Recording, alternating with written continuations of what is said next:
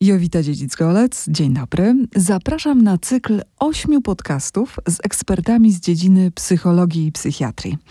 Rozmowy dotyczyć będą zdrowia psychicznego dzieci i młodzieży.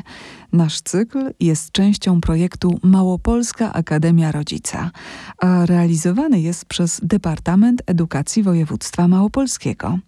W pierwszym odcinku porozmawiamy m.in. o tak zwanych anielskich uśmiechach, pierwszych wspomnieniach czy gotowości do mówienia. Moim gościem jest Joanna Derezińska, specjalista psychologii klinicznej, neuropsycholog, pracownik oddziału psychiatrii dzieci i młodzieży Szpitala Klinicznego imienia doktora Józefa Babińskiego w Krakowie. Pani Joanno, czy dziecko rodząc się jest jak tabula rasa, czy mamy już zakodowane jakieś pierwsze zachowania? To, z czym dziecko się rodzi, to myślę, że przede wszystkim z jakimś, jest już jakieś, rodzi się przede wszystkim z temperamentem, mhm. który jest w dużej mierze e, dziedziczony. I co ja mam na myśli, e, mówiąc o temperamencie? E, z opisów e, różnych osób można powiedzieć, że dziecko, jak się rodzi, no to rodzic opisuje, że jest albo spokojne, albo jakoś bardziej ruchliwe. Albo domaga się często, żeby nosić je na rękach, albo spokojnie można je odłożyć i leży w łóżeczku. I to już jest ten jego charakterek od e, razu? To jest jakaś taka, e, można powiedzieć, że podwalina, e, bo razem z późniejszymi doświadczeniami, które dziecko dość ma w kontaktach z rówieśnikami, no jest to jakaś osnowa do rozwoju osobowości i charakteru temperament w połączeniu z oddziaływaniami otoczenia, no to kształtuje cechy. To też nie jest tak, że y, to jest jakiś tutaj determinizm absolutnie, bo zdarza się, że dzieci, które były kapryśne e, jako małe i bardzo wymagające i nawet nerwowe, albo nie dało się ich y, odłożyć y, spokojnie do łóżka, bo się od razu budziły, były takie pobudliwe, lękliwe, trudno je było uspokoić, niekoniecznie później e, wyrastają na takich dorosłych. Ale często jest też w drugą stronę. Mieliśmy grzeczne dziecko, spokojne, spało, a potem się zaczęło. Nie wiadomo skąd. A jak to jest z tymi tak zwanymi anielskimi uśmiechami? Bo jako matka to upierałabym się, że moje dziecko już od pierwszej chwili, uśmiechając się, wiedziało, co robi. Hmm, a ile miało, jak już pani tak myślała? to już od razu jak się urodziło, tak mi się wydawało. Ja przede wszystkim myślę, że dzieci, każdy z nas jak się urodził, to przede wszystkim e, jesteśmy zaprogramowani na to, żeby przetrwać i żeby jakoś zyskać e, opiekę i troskę od opiekuna.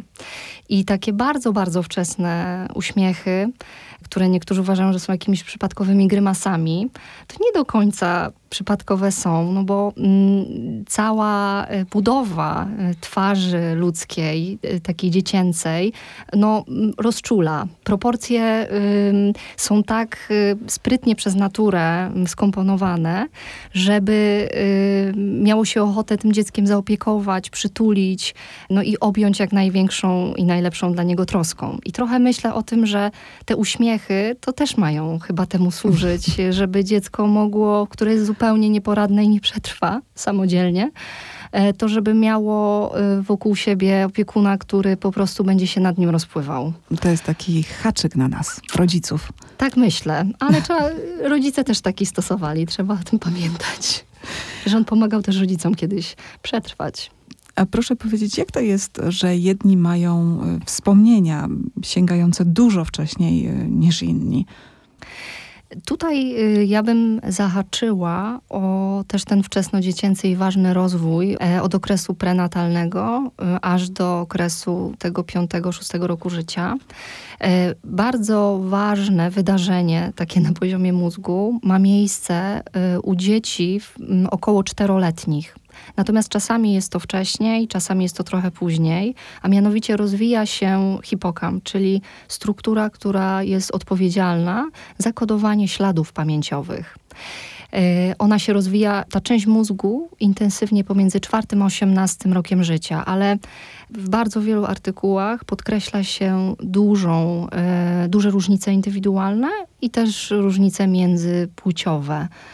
Które wpływają na to, że jest to jednak jakiś zakres. I ten początek to jest taki trzeci, czwarty, najczęściej czwarty rok życia, ale czasem piąty. Jak na przykład jest tak, że ktoś mówi, że pamięta doświadczenie, jak ktoś się pochylał nad kołyską albo y, jak zaczął stawiać pierwsze kroki, to raczej jest to, to nieprawda. To może być tak, że mhm. rodzice po prostu pokazywali kiedyś zdjęcia i y, przyjęło się to jako no własne właśnie, doświadczenie. Tak, tak. Ja, tak, ja muszę powiedzieć, że takie moje pierwsze wspomnienie to jest tłum y, smutnych, płaczących ludzi i długo nie wiedziałam, czy to jest rzeczywiście e, moje wspomnienie, czy to jest coś, co sobie może jako dziecko wymyśliłam, ale po latach, mm, rozmawiając z mamą, okazało się, że to moje wspomnienie to jest pogrzeb mojego dziadka. Y, którego zupełnie nie pamiętam, ale sytuacja pogrzebu i takie no, silne emocje z nim związane jakoś tak mocno utkwiły mi w pamięci. Wtedy miałam trzy lata. Czy to jest właśnie taki standardowy mm, wiek, od którego możemy Może zapamiętywać? Być. Może tak być. Jeszcze... Mm, tak jak pani wspomniała, to było wydarzenie emocjonalne czy emocjonujące. I e, na pewno emocje zapisują się trochę w innych strukturach, więc myślę, że e, to wspomnienie ma, miało taką podwójną moc, żeby było zapamiętane, bo dochodził do tego bodziec, silny bodziec emocjonalny, więc mogło, może być jak najbardziej tak, że y, ten emocjonalny aspekt pozwolił e, temu wspomnieniu rzeczywiście się jakoś zapisać ale rozumiem, że też pamięć może nam, dziecięca pamięć spłatać takiego figla, że że coś, tak jak pani mówi, będziemy sobie, będziemy o tym słyszeli, będzie nam to opowiadane i potem tak mocno nam to y, utrwali się, że będzie się nam wydawało, że myśmy przeżyli te, te chwile i że to jest to nasze wspomnienie? Może tak być. Zwłaszcza jeżeli dotyczy to rozmów takich rodzinnych, na wczesnym etapie rozwoju, że babcia opowiada, wiesz, ja pamiętam jak y, miałeś 3 czy 4 lata. I to, słyszymy to tak, 10 razy, to tak, już pamiętamy. Przejmiemy jako własne. Z, jeszcze jak dziecko już posługuje się wyobraźnią, a w tym wieku też rozwija się trzeci, czwarty rok życia, piąty, już dziecko ma możliwość y, uruchomienia wyobraźni, tworzenia wyobrażeń, no to wówczas y, może na podstawie opowieści kogoś z rodziny super sobie wyobrazić tą sytuację i jakoś tak y, wdrukować i ona się będzie wydawała znajoma. A jeszcze mhm.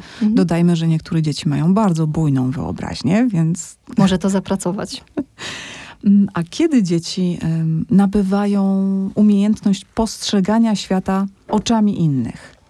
Tutaj dodam taką, powiem najpierw taką ciekawostkę, że mm, dzieci zaczynają e, spostrzegać e, w ogóle, że inne osoby mogą mieć inną perspektywę niż one i że to, co i, i odróżniać subiektywne od obiektywnego, E, to jest e, czas, kiedy rozwija się też e, obszar kory przedczołowej, która jest bardzo ważna i taka bardzo ludzka i odpowiada za, mówi się, wyższe funkcje poznawcze i zamyślenie.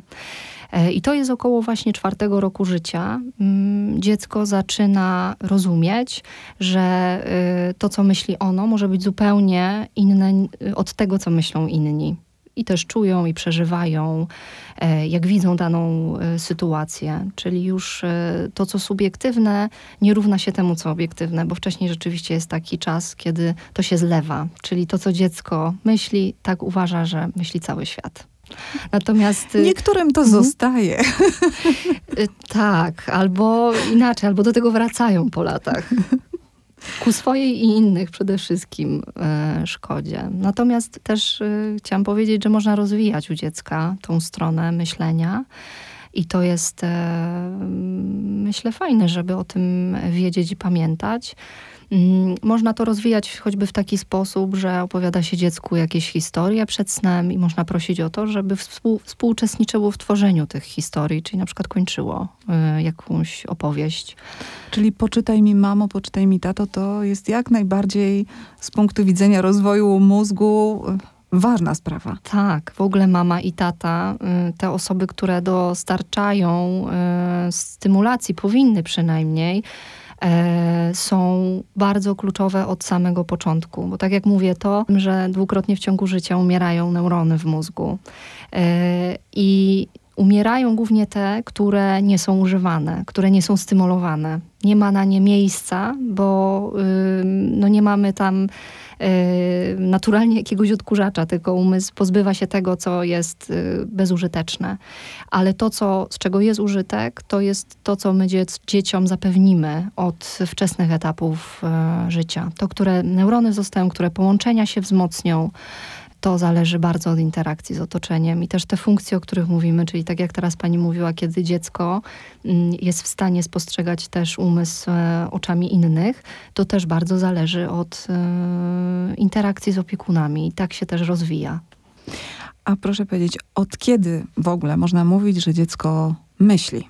Do około drugiego roku życia mm, dziecko mm, przede wszystkim zajmuje się konkretnymi e, zachowaniami służącymi zaspokajaniem jego potrzeb, e, czyli mm, jak zwrócić uwagę mamy, wykonuje różne proste mm, reakcje, e, manipuluje czy chwyta przedmioty, które są dostępne wokół niego.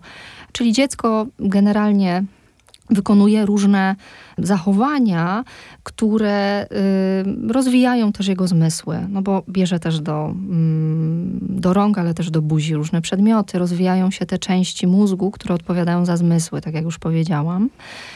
Osiągnięciem okresu pierwszych dwóch lat jest y, takie mm, u dziecka wykształcenie poczucia, że to, czego nie ma wokół mnie, nie znika, jak tego nie widzę. Czyli na przykład, jak mama wychodzi z pokoju, to nie znaczy, że już jej nie ma i nie wróci.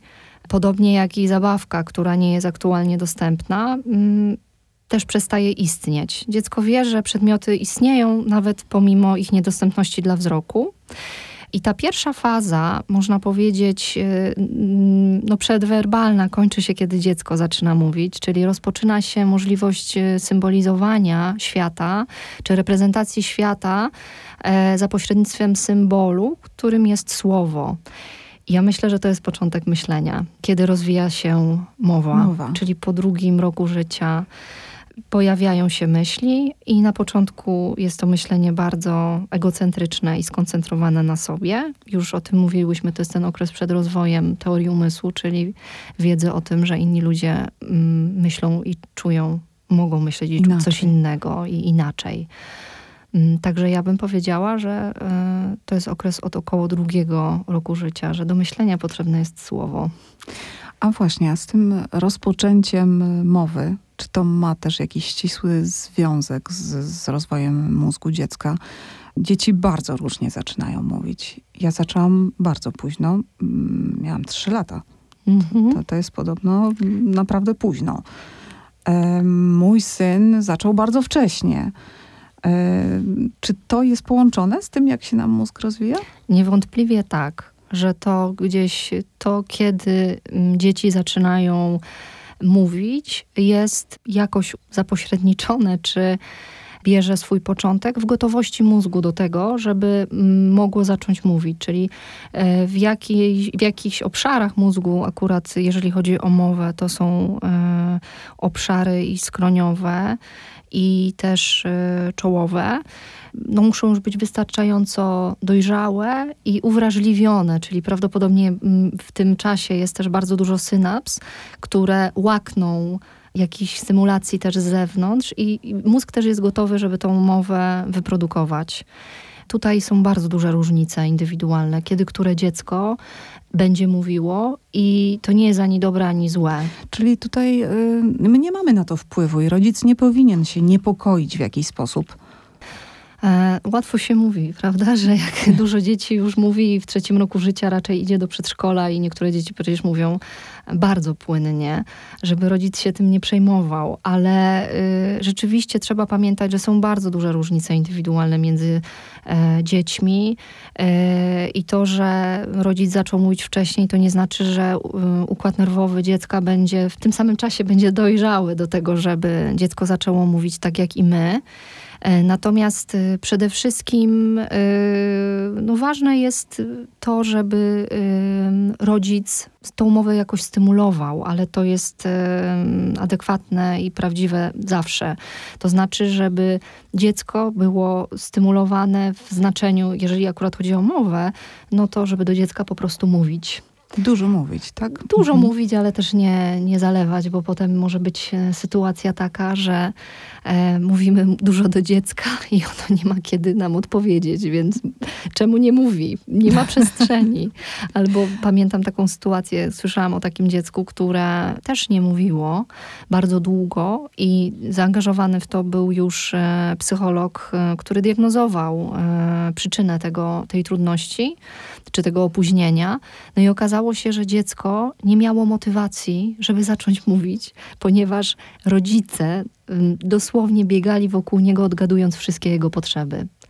Więc e, komunikacja Niczego raczej... mu nie było trzeba. Dokładnie. Po co ma mówić, jak wszystko jest... Wszystko jest już tak, na tacy. Tak. No to bardzo Więc ciekawe. Więc też chodzi o to, żeby jakiś złoty środek tutaj y, zachować. Um, często wydaje nam się, że, że małe dziecko y, robi nam na złość. To jest takie droczenie się. Y, ale to droczenie się może być chyba jednak taką próbą nawiązania kontaktu. Jak to rozróżnić i czy w ogóle możemy mówić tutaj o tej różnicy? Ja myślę, że przede wszystkim dziecko nie rodzi się złośliwe, y, tak intencjonalnie złośliwe, dopóki na przykład y, nie podpatrzy takich zachowań u swoich bliskich, czyli osób, które modelują e, jego zachowania e, społeczne. Jeżeli rodzice są wobec dziecka złośliwi albo między sobą złośliwi, to dziecko może się też tego nauczyć.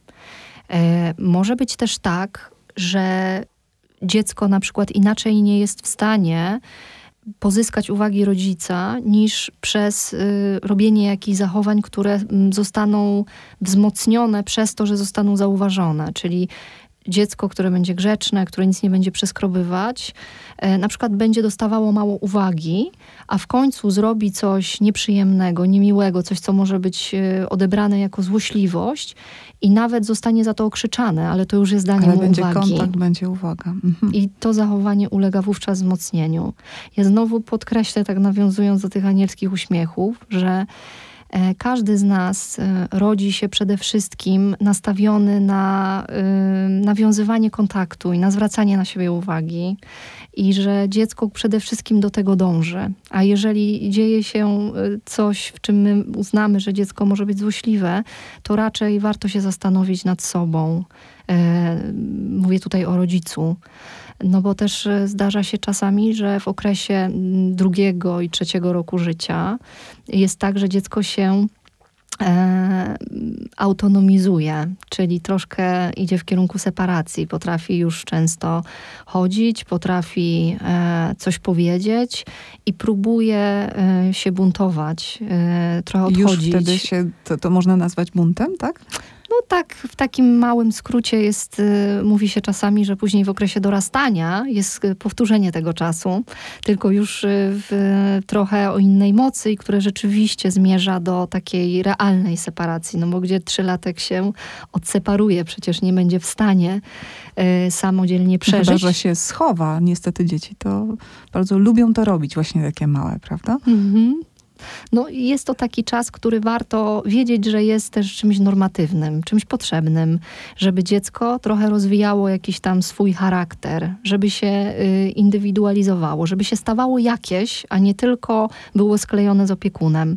Ale mam wrażenie, że często w tym czasie różnie rodzice to znoszą i uważają, że dziecko na przykład robi im na złość a ono potrzebuje tak rozwojowo i naturalnie trochę e, poczuć się kimś odrębnym i jakoś tam w swoją stronę pociągnąć. A czasami dziecko jest krnąbrne przez to, że jakieś jego potrzeby są sfrustrowane. Czyli na przykład jest zmęczone albo głodne, ale o tym nam nie powie, bo dzieci werbalizują swoje wewnętrzne potrzeby i stany troszkę później. Myślę, że koło piątego roku życia, ale to również dzieje się dzięki temu, że na przykład rodzice e, potrafią też odczytywać te stany u dzieci i im je opowiadać, że na przykład o jesteś teraz pewnie bardzo głodny, e, i dlatego płaczesz. I dziecko uczy się wiązać Zaczyna pewne łączyć. stany. Mhm.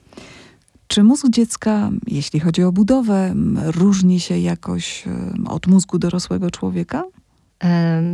Na pewno y, jest tak, że już y, u sześciolatka masa mózgu to y, stanowi około 95% masy mózgu człowieka dorosłego. Więc ilościowo wydaje się, że to już naprawdę nie ma dużych różnic. W drugim roku życia to jest 80% masy mózgu człowieka dorosłego. Więc te mózgi tak ilościowo, wagowo są e, bardzo zbliżone do mózgów osób dorosłych. Natomiast e, na pewno wiele struktur w mózgu dzieci jest mniej dojrzałych. Ale z kolei więcej jest, tak jak już pani wcześniej mówiłam, synaps. E, W tych e, okresach sensytywnych się mówi, czyli w tych okresach ważnych dla rozwoju kolejnych funkcji. Jak rozwija się wzrok, jest więcej synaps w korze e, wzrokowej zajmującej się e, wrażeniami e, wzrokowymi. E, Kiedy rozwija się myślenie, e, te synapsy zwiększają się, ilość synaps zwiększa się w korze płatów czołowych na przykład. Więc jakościowo te różnice są dość znaczące.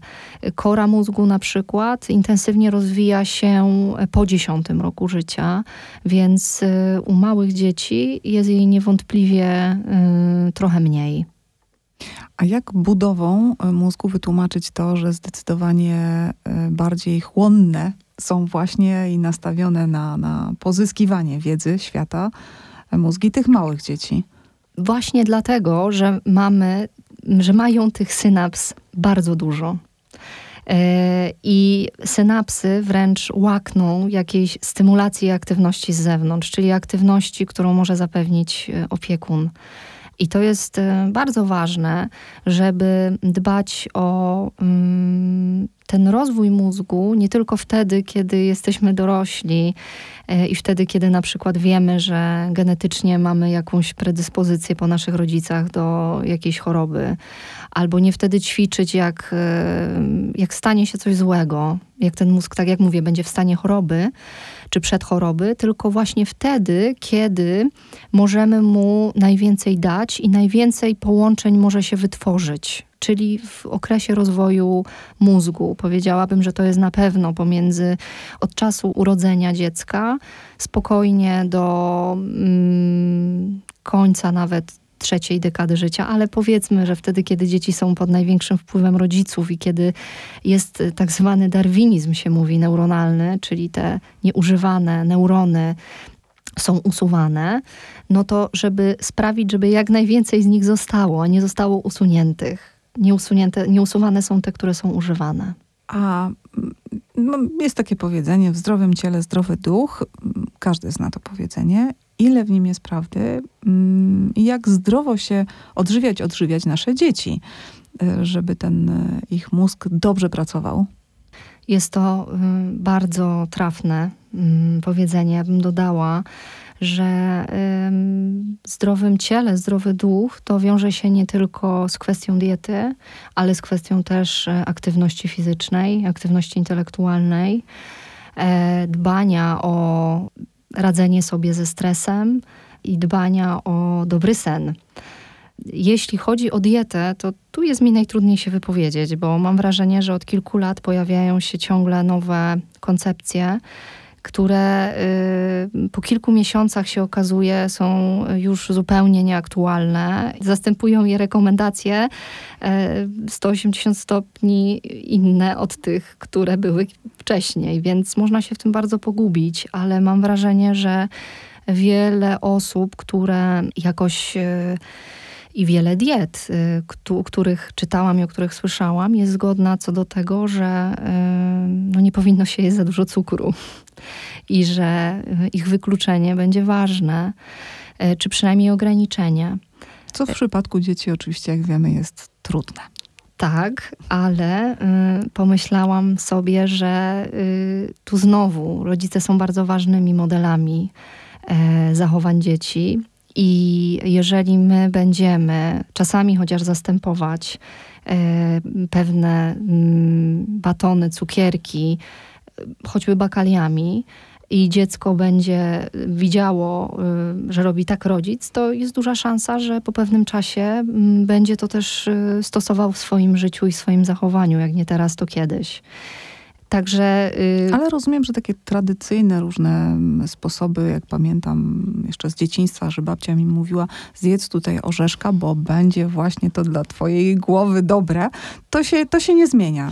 Myślę, że babcia miała dobry, mm, dobrego nosa i dobrze rekomendowała. E, zwłaszcza też, że e, wiele orzechów, bakali, e, poza tym, że może zastępować cukier, chociaż czasem, to Y, uczestniczy w produkcji tryptofanu, który z kolei jest ważny dla innej substancji neuroprzekaźnika w ośrodkowym układzie nerwowym, czyli serotoniny. A serotonina jest bardzo ważna z punktu widzenia regulacji nastroju, poczucia jakiejś y, przyjemności. Więc e, takie dwie pieczenie na jednym ogniu w jej przypadku. Zawsze zdrowe dla układu nerwowego są też kwasy omega i tu myślę, że nikt się z tym też kłócił nie będzie. I ja w ogóle y, myślę o tym, że y, tak jak y, uważa się, że dla naszego mózgu i dla rozwoju prawidłowego mózgów dzieci ważne jest dostarczanie bogatych, bogatej stymulacji najróżniejszej, e, to podobnie może być z dietą, żeby zachować ten umiar i jakiś balans, ale żeby na przykład, jeżeli podajemy dziecku, dziecko je mięso, w rodzinie je się mięso, no to czasami niech to będzie też roślinne źródło białka, czyli że mogą to być też na przykład strączki. Jeśli lubi się w domu jeść chleb, no to czasami kupmy chleb orkiszowy albo żytni, czyli urozmaićmy to jak najbardziej. A inna jeszcze kwestia jest taka, że w żadnej z tych diet, które są rekomendowane, rekomendowane w danym czasie, e, jakoś e, nie mówi o restrykcjach warzyw. Więc myślę, że warzywa to jest coś, co jest wyzwaniem dla wielu rodziców, ale że warto uczyć dzieci tych właśnie też nawyków jedzenia warzyw. Mm, a w zdrowym ciele zdrowy duch, e, czyli jeszcze nie tylko dieta, a także ruch i sen, prawda? Mhm. I jakieś dobre sposoby na stres, chociaż o tym się mówi e, najłatwiej, a chyba najtrudniej wdrożyć. Mm, jeśli chodzi o aktywność fizyczną, to y, ona jest bardzo ważna dla mózgu z dwóch powodów. Z jednej strony aktywność fizyczna dostarcza y, mózgowi taki, jest takim bodźcem, który sprawia, że mózg produkuje substancje y, neurotroficzne, czyli neurotrofiny, które służą y, produkcji nowych neuronów. I to jest o tyle ważne, że po 18 roku życia w bardzo ograniczonym zakresie te nowe neurony powstają. E, ale mm, będąc przy temacie bardziej młodzieży, to bardzo dobrze aktywność fizyczna y, wspiera wysiłek intelektualny, dlatego że w aktywności fizycznej obserwuje się y, wzrost liczby neuronów, a z kolei wysiłek intelektualny wydłuża ich życie, czyli mm, łącząc te oba procesy, mamy takie kombo, że jest więcej komórek, które dłużej żyją, czyli te mózgi są bogatsze. Czyli tutaj trzeba by było podkreślić, że rodzice, którzy czasem wydaje się im, że dobrze robią dla dzieci, że piszą im zwolnienia z zajęć wychowania fizycznego, bo wtedy się pouczą spokojnie, wcale dobrze nie robią. No chyba, że y, proponują jakieś inne zajęcia pozaszkolne, które dzieci lubią e, będące też formą aktywności ruchowej. Bo to nie chodzi też o to, żebyśmy chowali, wychowywali mistrzów i żeby to były jakieś zawody sportowe, ale chodzi o to, żeby to był, y, było cokolwiek, co dziecko lubi y, i co y, pomoże y, lepiej pracować ośrodkowemu y, układowi nerwowemu. Powiedziała Pani też, że sen jest niezwykle istotny. Z tym też jest y, w praktyce niestety ciężko. Mm. I to i w przypadku małych dzieci i starszych, prawda? No, jeśli chodzi o sen, to pewnie nie wszyscy zdają sobie z tego sprawę, ale podczas gdy my śpimy, to dzieją się bardzo ważne procesy, które wpływają na naszą pamięć, a mianowicie wówczas konsolidowane są ślady pamięciowe. Więc sen jest niezbędny no, dla wielu funkcji życiowych, ale jeżeli chodzi o samą kwestię tych różnych mózgowych struktur, to jest e, kluczowy dla hipokampa, więc osoby, które się uczą, które zdają egzaminy, ale w ogóle, które na co dzień mają wysiłek intelektualny, no powinny mieć to na względzie. I teraz y, są w ogóle takie przypuszczenia, że konsolidacja śladów pamięciowych odbywa się w pewnych fazach tego snu i w tych, te fazy, chodzi mi tutaj o fazę REM, wydłużają się wraz z długością snu, więc one są e, przede wszystkim pod koniec czasu, wydłużają się, czyli chodzi o to, żeby wystarczająco długo spać. Żeby się wyspać, po prostu, żeby, żeby to dziecko wyspać. było wyspane. Tak. Także y, o tym warto pamiętać y, nam wszystkim. Ale to można powiedzieć, że kiedy śpimy, po prostu robi się nam taki porządek w głowie, tak? Trochę tak. I też jest, nie wiem, czy pani pamięta ze swoich e, czasów naukowych, że jest też tak, takie okienko, kiedy jak my się uczymy, i coś jeszcze nie jest tak super zapisane, ale powtarzamy jakiś Żeby materiał. przed samym snem sobie to powtórzyć, Nie, tak? albo spać na książce. Albo spać... Nie, to jest nie, nie spałam takie, na książce, ale słyszałam Takie teorie też były. E, nawet pamiętam wśród studentów, e, tak jak ja, kierunku psychologia. Natomiast e, chodzi o to, że jest taki moment, kiedy my coś powtarzamy do egzaminu i po kilku godzinach mamy wrażenie, że zapomnieliśmy że nie pamiętamy. I to jest ciekawe zjawisko, które mm, na poziomie neurobiologicznym tak naprawdę ma swój e, wydźwięk w takim znaczeniu, że jak my kilka razy coś powtórzymy, to stanowi to nasz, naszą pamięć krótkotrwałą. Natomiast żeby to się zapisało, to wymaga najlepiej snu. Czyli Wtedy nie... się poukłada, obudzimy się i nagle się nam to jednak uruchomi w głowie, tak? Tak, bo będzie dostępne już w pamięci długotrwałej, czyli nie będzie takie zawieszone pomiędzy tą pamięcią taką jeszcze dość świeżą, e, a śladem pamięciowym, który jest tam na zdecydowanie dłużej i można po niego sięgnąć. Więc uczenie się tuż przed egzaminem też pod pewnym, pod tym względem no słabiej rokuje niż jak my się rzeczywiście przed tym, jak będziemy musieli użyć wiedzy nauczonej, wyśpimy. To jeśli ktoś nas słucha e, właśnie wieczorem, przed snem, to proszę sobie to bardzo wziąć do serca.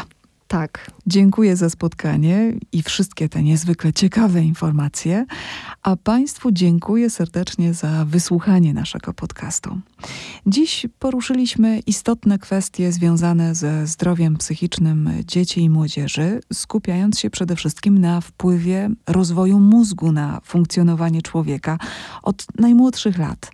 Mam nadzieję, że nasza rozmowa okaże się pomocna dla rodziców, opiekunów i zapraszam już na kolejny podcast, w którym opowiemy więcej między innymi o mózgu nastolatka. Polecam gorąco, bo myślę, że każdy rodzic, opiekun powinien być na to przygotowany. Jowita Dziedzic-Golec, do usłyszenia. Kampania finansowana ze środków województwa małopolskiego.